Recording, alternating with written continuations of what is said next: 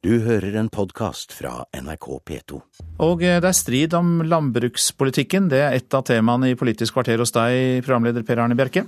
Ja, for landbruksministeren varsler omfattende endringer i landbrukspolitikken. Det går ikke an å rykke alt opp med rota, svarer Arbeiderpartiets landbrukspolitiske talsmann.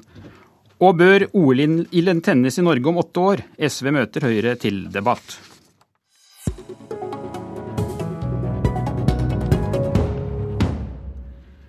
Landbrukspolitikken kan bli en vanskelig sak for mindretallsregjeringen.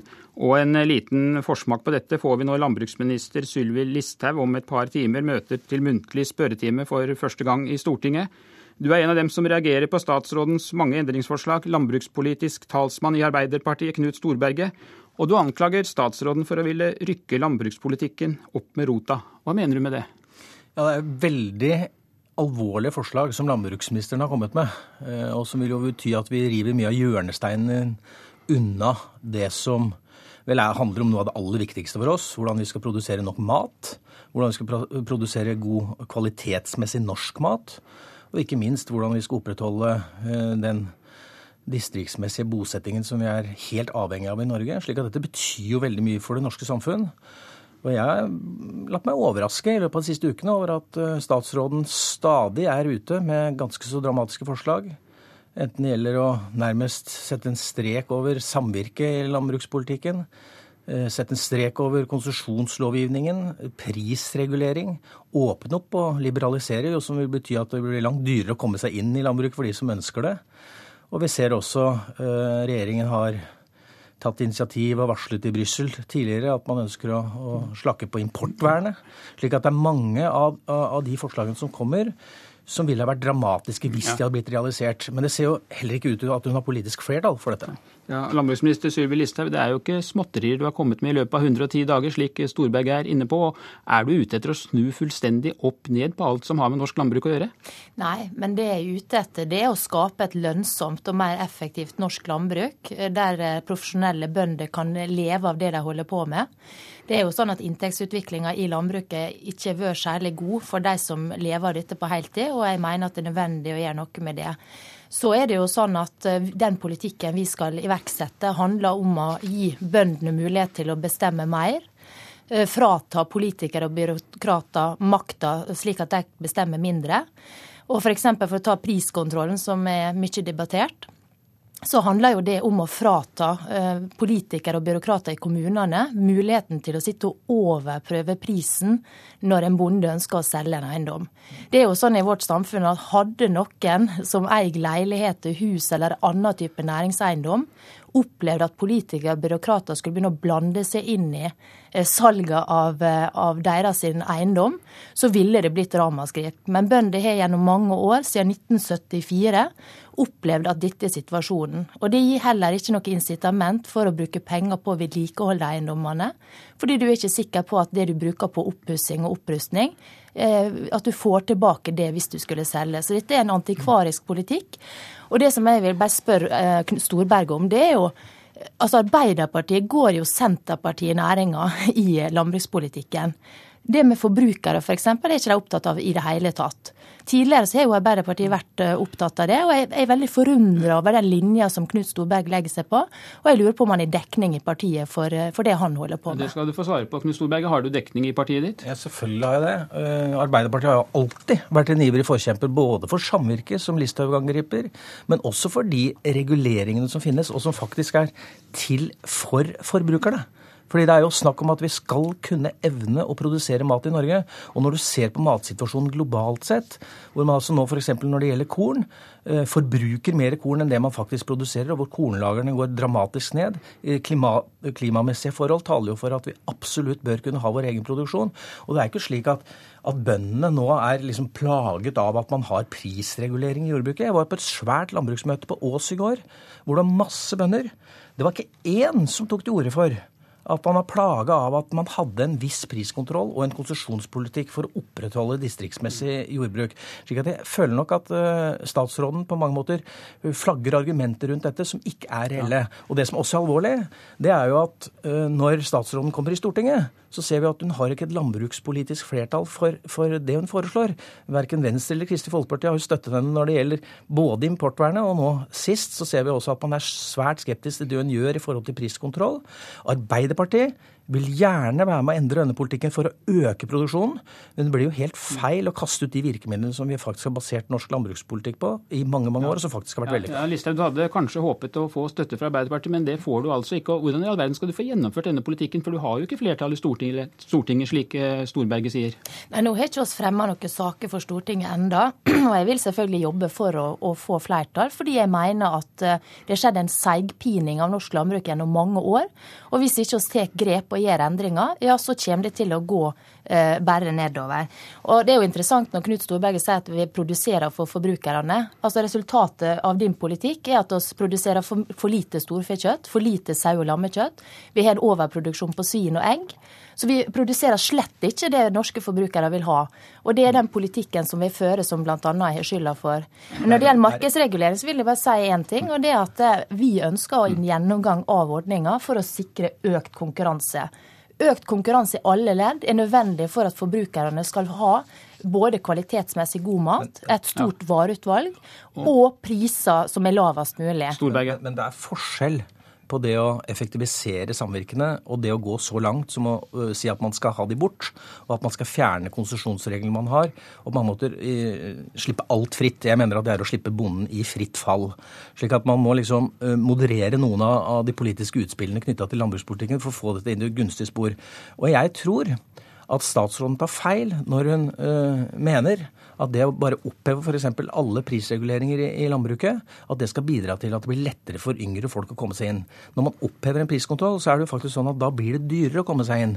Og så langt så har vi jo sett at det mange måter har blitt både lettere å dø og lettere å selge uh, ut fra statsrådens politikk, men det har blitt vanskeligere å komme inn. Og mye av den optimismen som vi har sett blant unge folk i næringa, den er jo faktisk nå borte og hvor folk faktisk er veldig usikre på hva framtida vil bringe. Når lønnsomheten i, i, landbruket blir et tema, ja, så er det jo grunn til å spørre Fremskrittspartiet og regjeringspartiene nå skal man videreføre den linja man hadde i alternative budsjett tidligere, hvor man kuttet over 5 milliarder til bøndene. Det blir ikke noe mer lønnsomt å produsere eh, mat hvis man foretar så dramatiske ja, kutt. Om, om, kort tid så skal du legge fram forslag til årets jordbruksoppgjør, Syv Listhaug.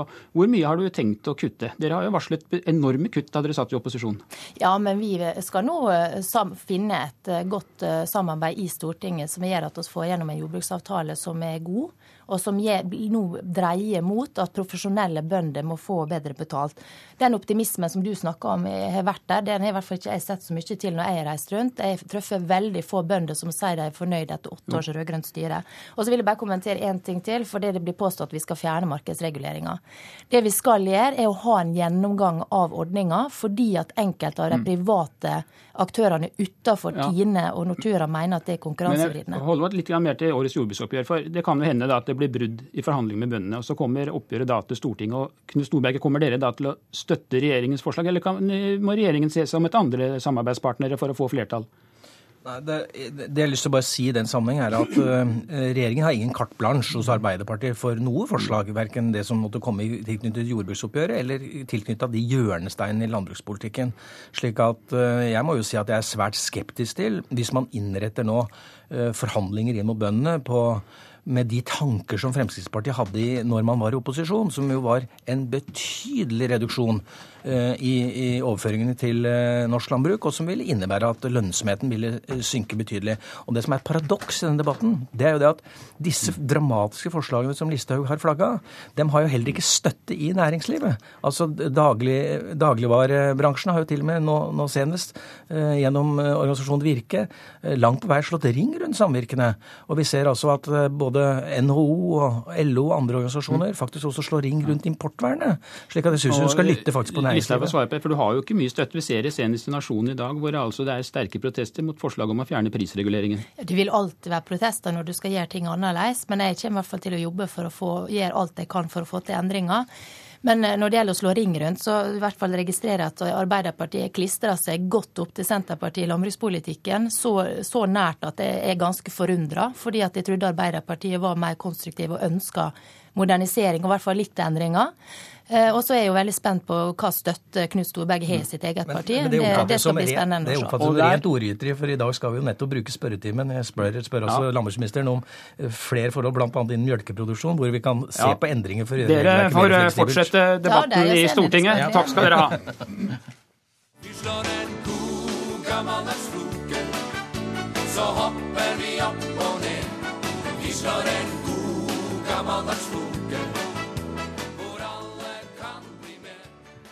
God morgen, Snorre Valen, stortingsrepresentant for SV. Hvorfor mener du at vi ikke skal få en ny OL-fest?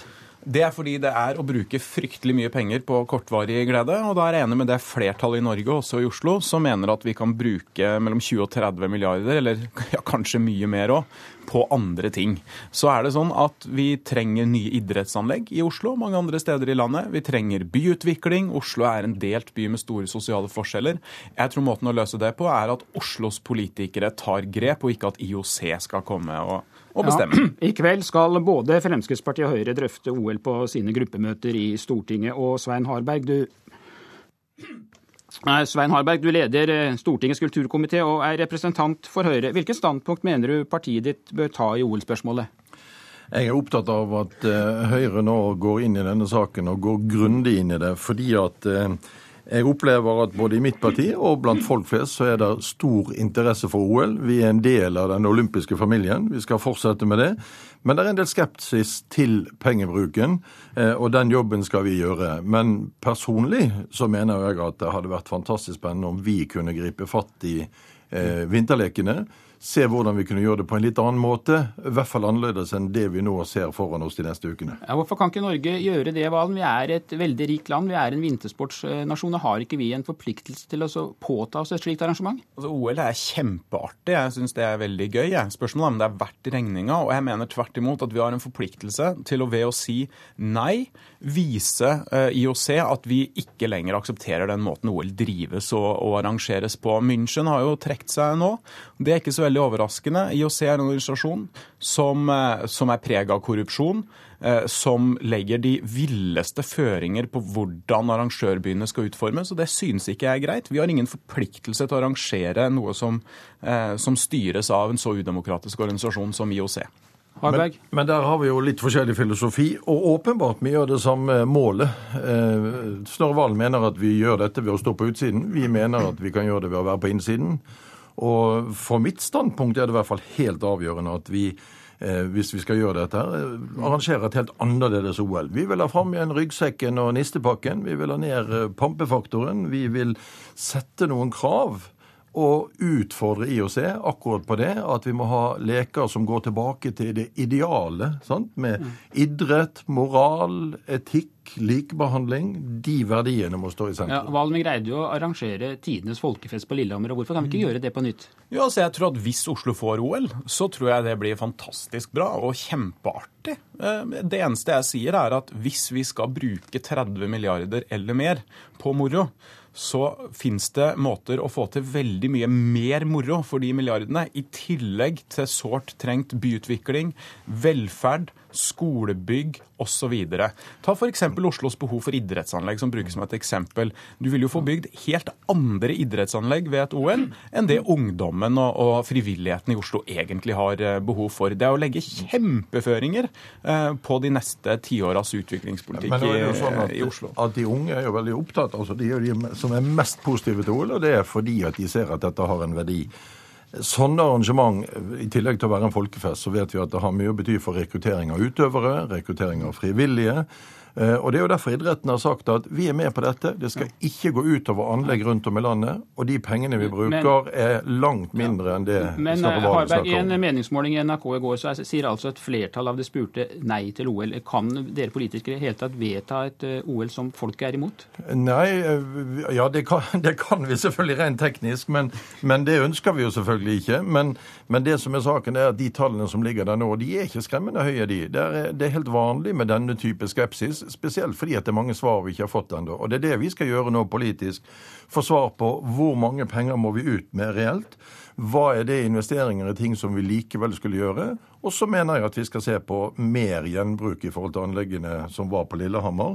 Og da kan vi redusere prisen med det, så kanskje vi kommer ned i, i reelle utlegg på mellom 15 og 20 milliarder. Ok, I kveld er det altså gruppemøter både i Høyre og Fremskrittspartiet for å drøfte OL-saken. Takk skal dere ha.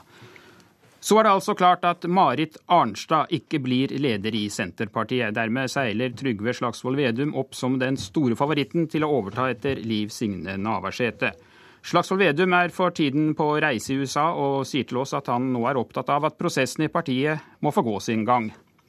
Jeg er opptatt av at det nå skal være diskusjoner i de ulike fylkene i, i valgkomiteen. At vi skal ta ting i, i, ro og i orden. Og at vi skal uh, sette sammen et uh, godt team, for å bruke et engelsk ord, som uh, kan være med å dra Norge i riktig retning. Og Senterpartiet holder ekstraordinært landsmøte i begynnelsen av april på Lillestrøm for å velge sin nye leder. Og det var eh, Politisk kvarter med Per Arne Bjerke her i studio. Vi minner om at denne sendingen kan du også høre ved å laste den ned som podkast eller gå inn på nettradio på nrk.no. Klokka er straks åtte, og Nyhetsmorgen fortsetter med Dagsnytt. Du har hørt en podkast fra NRK P2.